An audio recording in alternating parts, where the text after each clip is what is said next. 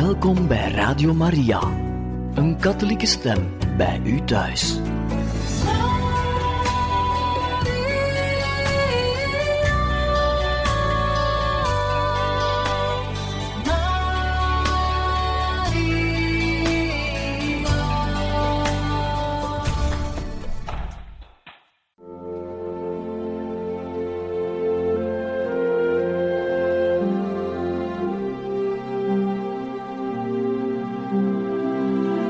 Beste luisteraars van Radio Maria, welkom bij het programma Catechismus. Een overweging bij de geloofschat van de kerk.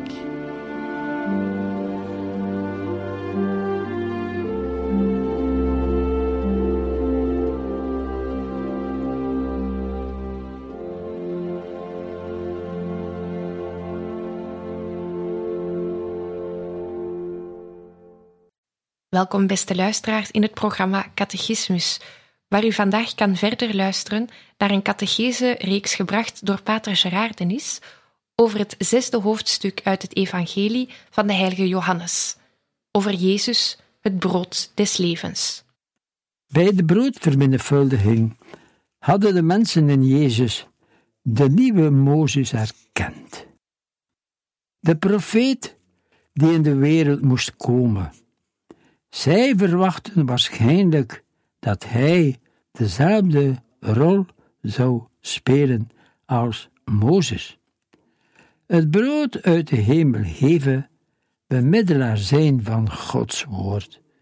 Maar Jezus zegt hier dat hij niet alleen de opvolger en voltooier van de profeet Mozes is.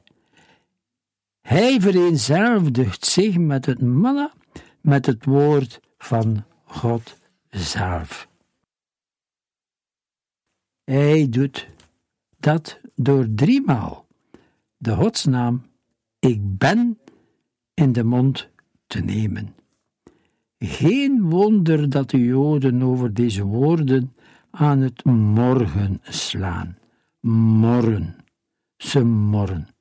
Hetzelfde woord uit het oude manna-verhaal. Exodus 15. Hier herhaalt zich de geschiedenis. Alles van toen is weer aanwezig. Het manna, de hever van het brood, het morren. Maar de crisis is nu definitief. De Joden verstaan Jezus verkeerd. Zij denken aan een aardse wonderbare spijs en zeggen: Geef ons al van dit brood. 4, 34. Zoals de Samaritaanse. 4, 11, 15. Gelijkenis is opvallend. Vragen ze om dat brood en bewijzen daarmee dat ze slechts werken voor een verhankelijke spijs vers 43 tot 45. Jezus haat op de tegenwerking van de Joden niet in. Hij vermaant ze alleen niet te morren. Onrechtstreeks heeft hij antwoord. Hij is door de Vader gezonden.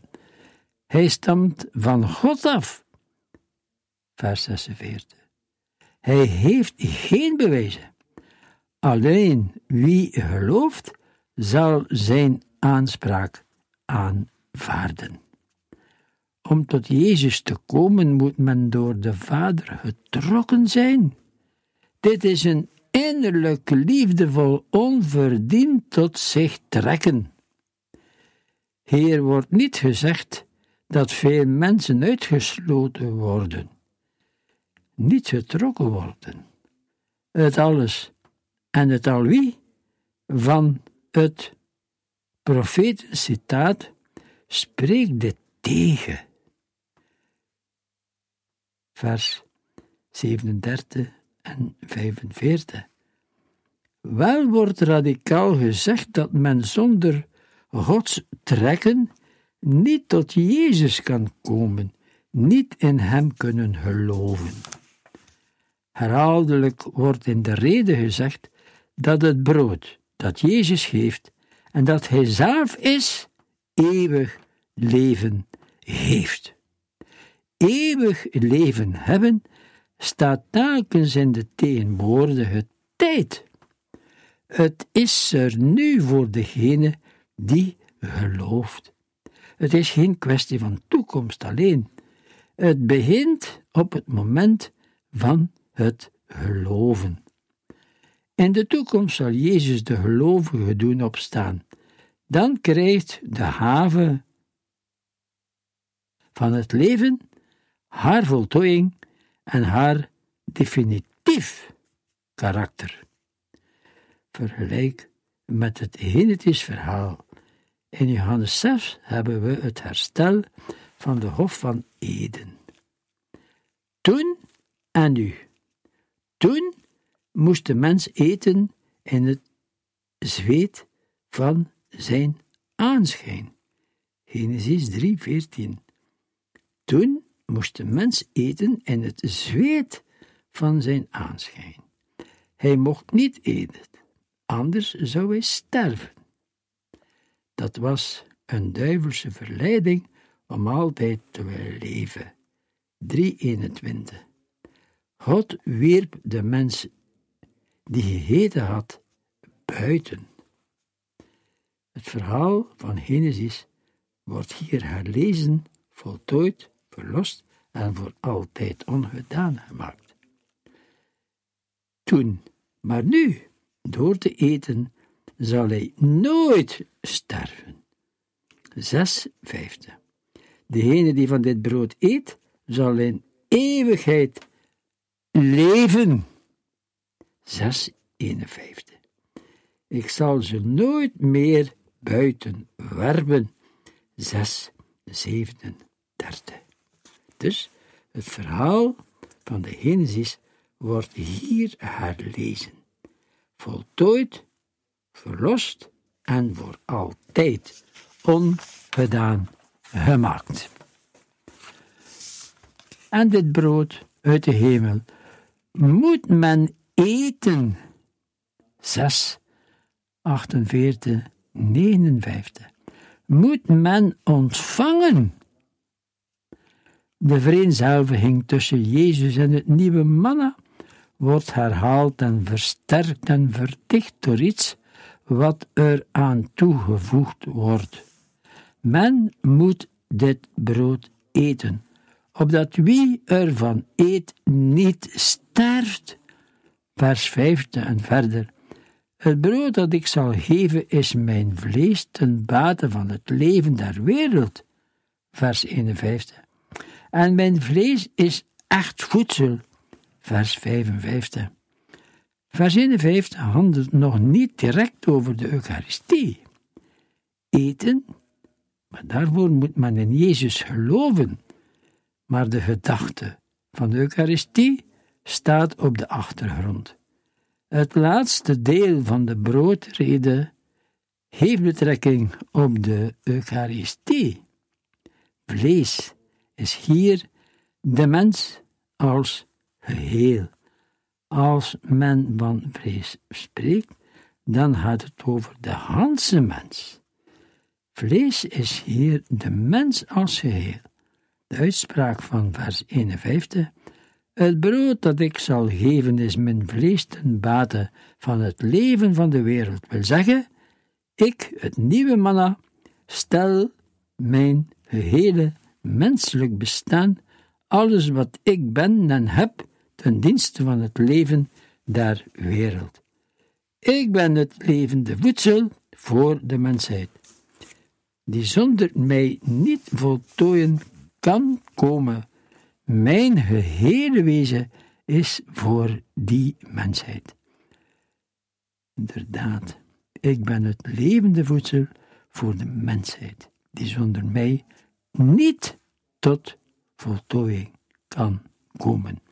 Mijn gehele wezen is voor die mensheid.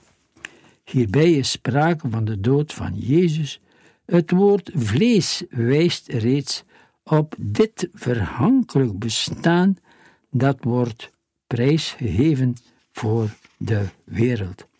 Ook de woorden bloed en eten en drinken benadrukken dit. Vlees en bloed verwijzen naar de offerceremoniën waar het bloed geplengd en het vlees gegeten wordt. Het bloed van offerdieren mocht niet gedronken worden door de Joden. Zelfs vlees met bloed erin mocht men niet eten. Hier wordt die wet ondersteboven gezet. Men moet het vlees eten, heel concreet, kauwen zelfs, en het bloed drinken. Hier is de dood in het geding, het offerdood. De offerdood natuurlijk. Het vlees dat verhankelijk bestaan zal worden opgeofferd. Het bloed zal vloeien en dient tot lafenis. Voor de behoorders van Jezus was dit uitermate schokkend. Het eeuwenoude offerritueel van de tempel werd ontkracht en naar het verleden verwezen. Hier is een nieuwe offerspijs, de mensenzoon, die zich helemaal zal prijsgeven om geheten te worden, om geheten en gedronken te kunnen worden, en zo degene die hem eet en drinkt, in leven te houden. Het is zo door en door manna, dat leven buiten hem niet mogelijk is. Vers 25, vers 52 bedoel ik.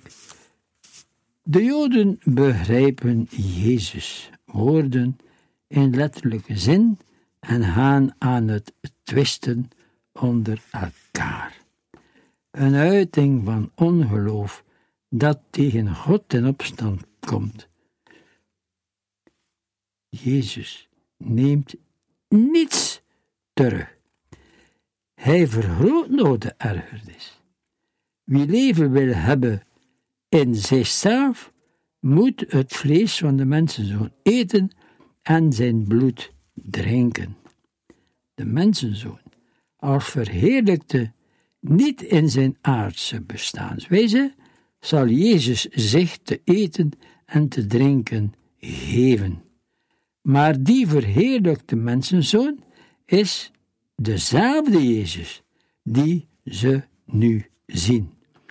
En volgens de jonge kerk hingen deze woorden ondubbelzinnig over de Eucharistie.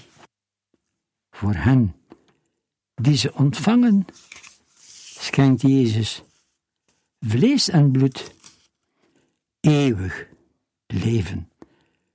Nu reeds, de eindtijd is gekomen, de eindtijd is begonnen. Moet wel nog voltooid worden. Opstaan uit de laatste dag. Vers 55. Vlees en bloed van Jezus zijn ware voeding, schenken dus leven. Vers 55 en 57. Het ontvangen van de Eucharistie bewerkt eeuwig leven, opdat het op innige wijze met Jezus verbindt. In elkander blijven, blijvende gemeenschap met Jezus, wederzijds in elkaar zijn, namelijk één worden zonder dat een van beiden ophoudt, volledig zichzelf te zijn. Er is geen aardse gelijkenis daarvoor.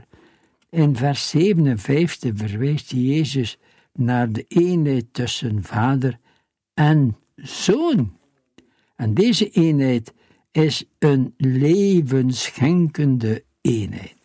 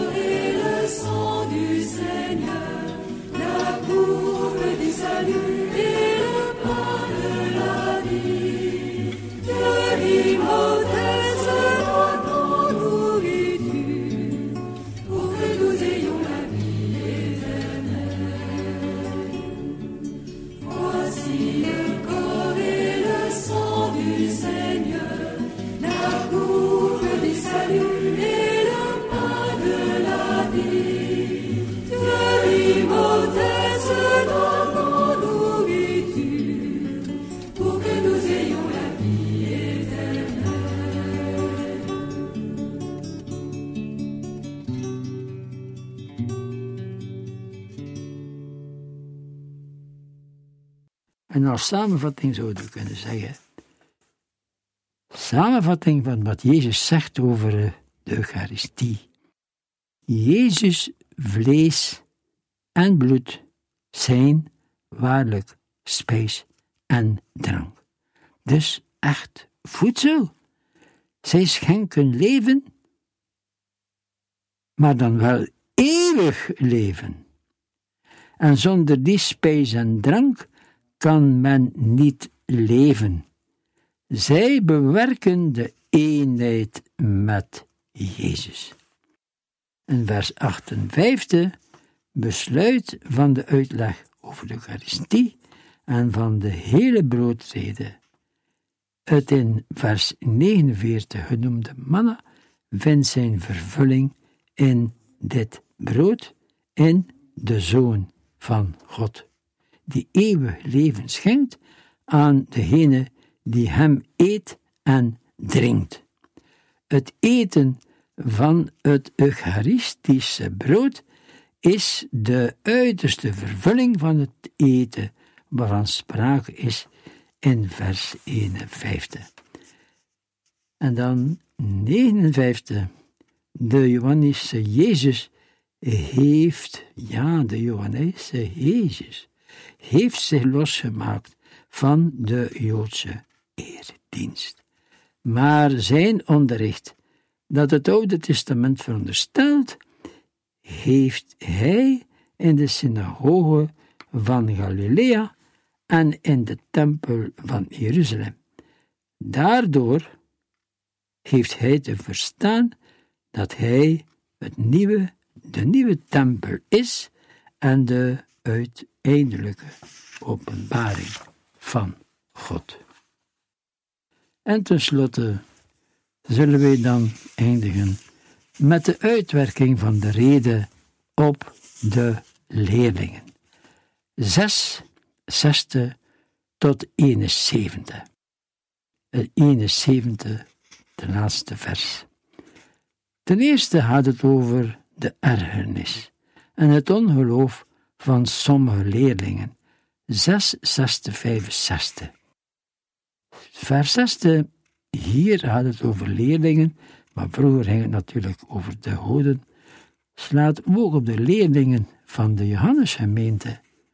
Vers 61, Jezus weet dat ze morren, dus wil zeggen dat ze niet geloven, zoals hij ook het verraad van Judas op voorhand kent. Deze kennis behoort tot het Christusbeeld van Johannes. Vers 62. Jezus' antwoord is opzettelijk in de vorm van een vraag om zijn toehoorders te doen nadenken over zijn persoon. Het opstijgen beantwoordt aan het nederdalen dat in de broodrede steeds ter sprake kwam. De toehoorders wisten heel goed wat hij bedoelde, maar dit kan enkel in geloof aangenomen worden. Ook de titel Mensenzoon verwijst naar Jezus' hemelse thuis. Vers 63. Jezus zal de levenmakende geest schenken, de haven van het leven en de Eucharistie. Jezus zal de levendmakende geest schenken, de haven van het leven in de Eucharistie natuurlijk, maar daarom moet hij eerst verheerlijkt worden. In zijn aardse bestaanswijze, vlees, kan hij niet schenken wat hij beloofd heeft. Het vlees als zodanig vermag niets. Een andere uitleg is natuurlijk alleen wie God, alleen wie zich door Gods geest laat leiden en niet door zijn aardse redeneringen, zal de uitstoot van Jezus' woorden kunnen overwinnen. De woorden die ik tot u gesproken heb, heel de reden zijn geest en leven voor hen die geloven. Vers 64. Ondubbelzinnige oproep tot geloven. Jezus verweet de Joden dat ze geen geloof hadden. Van de leerlingen zegt hij dat er enkele zijn die niet geloven. Deze woorden zijn ook gericht tot de gemeente van Johannes, waaraan stoot en verraad aanwezig waren. Vandaar ook de vermelding, die trieste vermelding van de verrader Judas, die hier geen rol speelt, wijst erop dat het geval van Judas de gemeente intrigeerde, mysterie van het kwaad. Vers 65 verwijst naar 6, 45, waar hetzelfde gezegd wordt, maar niet letterlijk. In plaats van het beeld trekken, gebruikt Jezus hier het beeld haven. En haven wil zeggen gegeven zijn. En ongeloof, dat is een mysterie. Veel leerlingen verlaten Jezus terwijl de twaalf hem trouw blijven en blijven geloven. 667. De tegenstelling tussen de leerlingen die heen gaan en de twaalf die uitdrukkelijk voor de keuze gesteld worden, wordt nadrukkelijk ondermijnd. De vraag van Jezus hier kan men vergelijken met de vraag bij de synoptici. Wie zegt dat gij, wie zegt hij dat ik ben? Wie zegt gij ik ben? Bij Johannes is het ongeloof duidelijk en daardoor krijgt de vraag nog meer gewicht. Het is een duidelijke geloofstest. Zulke vragen van Jezus die tot een beslissing dwingen, vindt men ook elders bij Johannes. Ze helpen de aangesprokene tot, om tot een duidelijke en verheven beleidenis te komen. 9, 35, 36. Vers 66 tot 69. Petrus treedt spontaan op in naam van de twaalf. Hij heeft in aller naam het beslissende antwoord. Zoals ook elders blijkt ook hier welke gezaghebbende, gezaghebbende plaats hij bekleedt in de kring van de apostelen. Een beetje uitleg over de beleidenis van Petrus. Tot wie zouden wij gaan? Tot wie zouden wij vertrekken als gij heen gaat zoals de anderen? Uw woorden zijn toch woorden van eeuwig leven? Zij willen de woorden van Jezus, de Geest zijn en leven, aanvaarden, al hebben ze deze nauwelijks begrepen. Toch erkennen zij dat ze vervuild zijn van kracht en leven, opdat Hij ze gesproken heeft. Door Zijn woorden heen hechten ze zich aan Zijn persoon. De woorden zijn openbaringen van Zijn persoon. Geloof heeft betrekking op de persoon van Jezus. Als ik geloof dit is, als ik mij hecht aan Jezus, die zich door zijn woorden bekend maakt, zich meedeelt, dan heb ik deel aan zijn leven, aan zijn eeuwig leven. De heilige Gods betekent hier meer dan de Messias, wat ze reeds aanvaard hadden. Hier is bedoeld de eenheid van Jezus met de Vader, met de Godders. Zie de ik ben woorden in zes. Heilige verwijst hier ook op Gods nabijheid, op deel hebben aan Gods eigen wezen. Het hij zijt van Petrus is antwoord op het ik ben van Jezus. Gij zijt, ik ben. En 70, 71, de duistere figuur van Judas op het einde van de broodrede steekt schril af met het gelovende trouw van de twaalf, van allen die in Jezus geloven. In de nacht van het laatste avondmaal, waarop Jezus zijn lichaam gaf en zijn bloed als spijs en drank, hing Judas in de diepte van zijn ongeloof zijn meester verraden. Deze donkere klacht, waarmee het hoofdstuk van Jezus als brood des levens eindigt, bereidt de lezer voor op Jezus dood, het werk van ongeloof en van verraad. Hartelijke dank en laat het geloof in Jezus groeien. Dank u.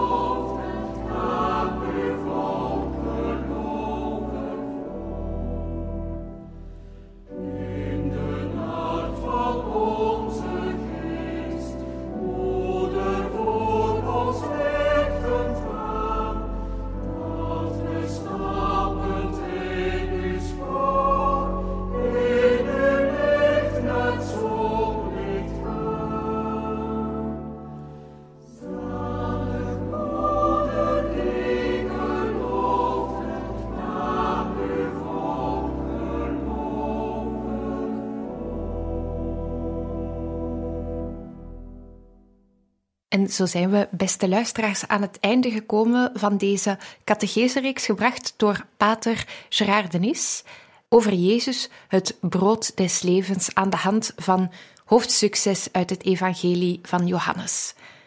Radio Maria wenst u nog een mooie dag toe.